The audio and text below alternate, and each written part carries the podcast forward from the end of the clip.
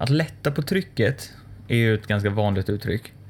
Men i själva verket så fungerar inte hjärnan på det sättet som en tryckkokare gör. Vi kommer tillbaka till det alldeles strax. Vad du än gör så får du mer utav det du gör. Och det du tänker och gör får du mer utav. Det kommer sig av att när du tänker en tanke så skapas kopplingar i hjärnan. Det byggs liksom spår. När du sen då tänker den tanken en gång till så förstärks de här, de här kopplingarna. Så att du, när du tänker någonting flera gånger så blir det mer och mer sant. Det blir mer och mer, det blir lättare och lättare att tänka den tanken. Så att lätta på trycket är inte nödvändigtvis det bästa du kan göra.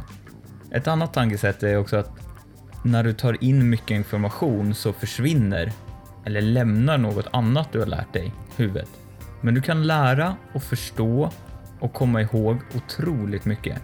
Det handlar till stor del om att ändra inställning och att byta ut den här visuella bilden. Vilka ord du använder för att beskriva olika saker. Om du istället för att tänka på ditt beteende som en tryckkokare som måste lätta på trycket ibland, börjar tänka på dig själv som någon som kan anpassa dig och växa med det du tar in och det som är runt dig. Vad händer då egentligen? Att tänka i termen av att ha ett växande minne som kan lära sig mer och mer istället för det här statiska fasta minnet som är en vanlig syn så kan du förändra sättet du beter dig och i och med det vem du är och hur du tacklar nya situationer och ny information. Så organisera ditt minne, få en struktur i det för att kunna hantera massor av information. Du gör det redan idag, även om det låter flummigt, eh, men på ett mer omedvetet plan. Och för att bli bättre behöver du bli medveten om det och ta loss delarna för att sen sätta samman det på ett, på ett annat sätt. Det kan låta lite som att eh, man eh, använder sig själv som en maskin snarare än en eh, människa.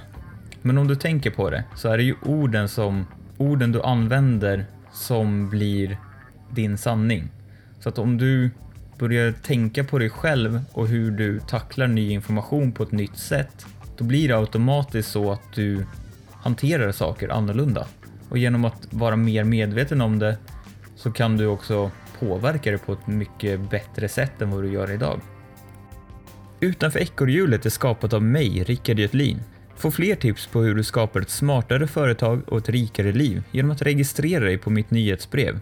Gå in på rickardgotlin.se och anmäl dig idag.